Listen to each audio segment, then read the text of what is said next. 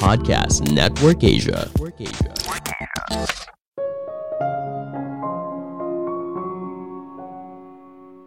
20 perusahaan teknologi besar Indonesia sudah mengumumkan akan mengurangi jumlah karyawannya.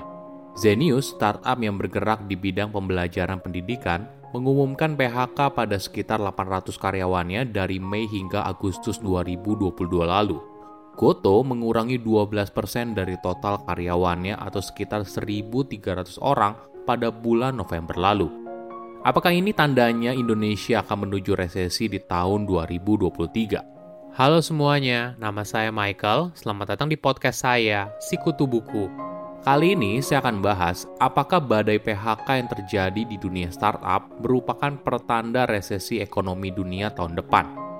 Dana Moneter Internasional atau dikenal dengan nama IMF memperkirakan pertumbuhan global akan melambat menjadi 2,7 persen tahun depan dan 2023 akan terasa seperti resesi bagi jutaan orang di seluruh dunia. Banyak negara di dunia diprediksi akan mengalami pertumbuhan negatif kuartal dua kali berturut-turut. Sedangkan tiga kelompok ekonomi terbesar yaitu Amerika Serikat, Uni Eropa, dan China akan terus melambat. Inilah yang membuat banyak ahli ekonomi memprediksi kalau tahun depan akan menjadi tahun yang menyakitkan bagi banyak orang. Bagaimana dengan Indonesia? Apakah tanda-tandanya sudah dimulai dari sekarang di mana kita melihat banyak perusahaan startup melakukan PHK pada karyawannya? Sebelum kita mulai, buat kalian yang mau support podcast ini agar terus berkarya, caranya gampang banget.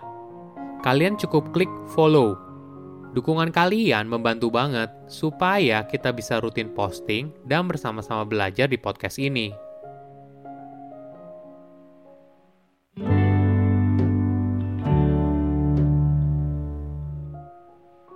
Beberapa bulan terakhir, kamu mungkin mendengar kabar PHK dari dunia startup. 20 perusahaan teknologi besar mengurangi jumlah karyawannya. Zenius, startup yang bergerak di bidang pendidikan, mengumumkan PHK pada sekitar 800 karyawannya dari Mei hingga Agustus 2022 lalu. Goto mengurangi 12% dari total karyawannya atau sekitar 1.300 orang pada bulan November lalu. Yang terbaru, e-commerce GDID mengumumkan PHK yang menimpa 30% atau sekitar 200-an karyawan. Ini merupakan perampingan kedua setelah Mei 2022.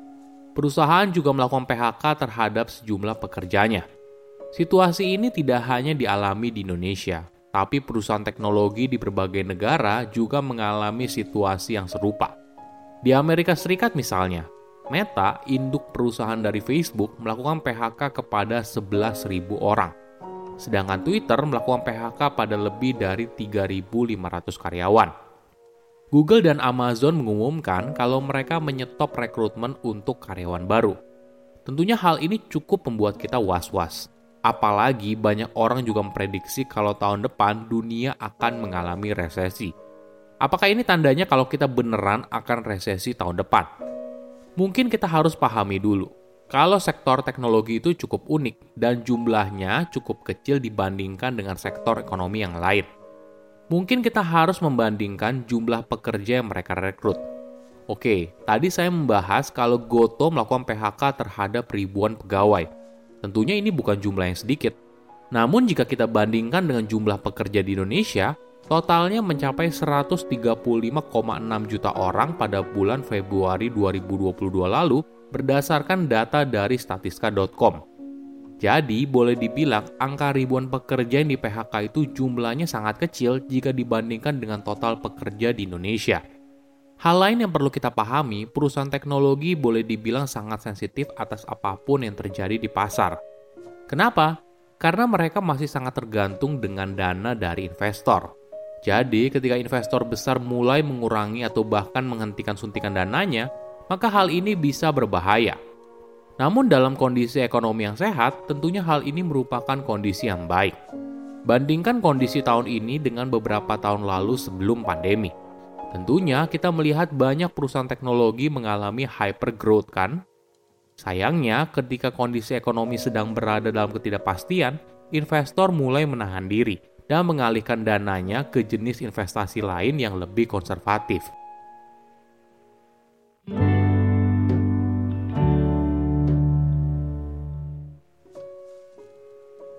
Jadi, apakah tahun depan Indonesia akan mengalami resesi? Oke, sebelum kita buru-buru menjawab pertanyaan itu, coba kita lihat pertumbuhan ekonomi kuartal 2 dan kuartal 3 2022. Di dua kuartal tersebut, ekonomi Indonesia boleh dibilang tumbuh kuat dan mencatat pertumbuhan di atas 5% berturut-turut. Di tengah ketidakpastian global, ekonomi Indonesia boleh dibilang masih tumbuh optimis dan berangsur pulih dari efek pandemi selama dua tahun terakhir. Di sisi lain, laju pertumbuhan konsumsi rumah tangga masih relatif tinggi, sekitar 5,4 persen year on year. Hal ini sejalan dengan beberapa indikator konsumsi masyarakat, termasuk rata-rata indeks penjualan real yang tumbuh 5,5 persen pada triwulan 3 2022. Secara umum, tingkat pengangguran konsisten menurun jika dibandingkan dengan periode Agustus 2021 Pertumbuhan ekonomi mampu menyerap tenaga kerja hingga 4,25 juta orang dalam kurun waktu Agustus 2021 hingga Agustus 2022. Ada sebuah terminologi yang menarik, ekspektasi inflasi. Ketika kamu merasa kalau inflasi akan semakin tinggi di masa depan, maka sebagai konsumen kamu akan mulai membeli barang dalam jumlah banyak saat ini karena takut harganya naik di masa depan. Jika banyak orang punya pemikiran yang sama, maka tentu hal ini akan meningkatkan jumlah permintaan, sehingga pada akhirnya juga mendorong harga jadi naik. Di sisi lain, sebagai karyawan, kamu akan meminta gaji yang lebih tinggi agar kamu mampu membeli barang yang kamu inginkan. Perusahaan juga sama. Ketika permintaan naik, karyawan juga naik gaji. Maka kamu juga ikut menaikkan harga jual agar tidak rugi. Tidak peduli kamu ada di mana dalam sebuah ekonomi, ekspektasi inflasi berkontribusi pada inflasi. Inilah alasan kenapa setiap bank sentral dunia berbicara soal ekspektasi inflasi terus-menerus. Karena sebagian besar pekerjaan mereka yaitu untuk mengatur ekspektasi masyarakat soal inflasi.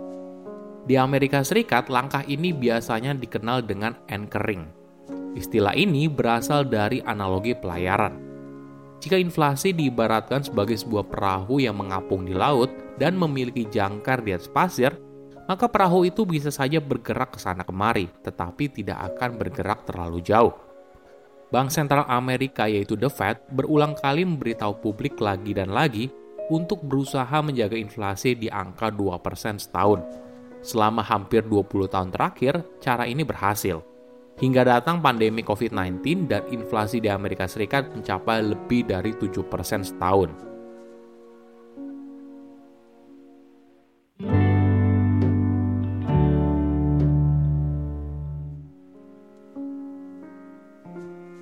Oke, kembali ke pertanyaan, apakah Indonesia akan mengalami resesi 2023? Jawaban jujurnya adalah tidak ada yang tahu. Kenapa? Karena ekonomi selalu aneh dan sulit diprediksi, apalagi di masa sekarang setelah pandemi COVID-19. Tapi perang Rusia dan Ukraina masih berlanjut, ditambah lagi Amerika Serikat sedang mengalami inflasi yang tinggi sejak tahun 2021. Jadi yang paling penting adalah kita harus bisa bersiap dalam menghadapi ketidakpastian di masa depan. Jika kamu berpikir untuk mengajukan kredit, coba dipikir lagi. Apakah hal tersebut perlu banget atau bisa ditunda? Apabila kamu ingin resign dari pekerjaan yang sekarang, coba dipikir lagi. Apakah masih bisa ditunda hingga kondisi ekonomi terlihat lebih stabil atau memang mendesak saat ini juga? Tentu saja tidak ada yang tahu pasti tahun depan akan seperti apa. Jadi lebih baik kita bisa fokus pada hal apa yang bisa kita kendalikan. Saya undur diri, jangan lupa follow podcast Sikutu Buku Bye-bye.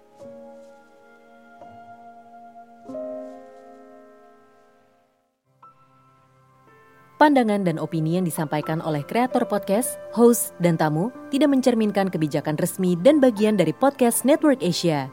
Setiap konten yang disampaikan mereka di dalam podcast adalah opini mereka sendiri dan tidak bermaksud untuk merugikan agama, grup etnik, perkumpulan, organisasi, perusahaan, perorangan, atau siapa pun dan apa pun.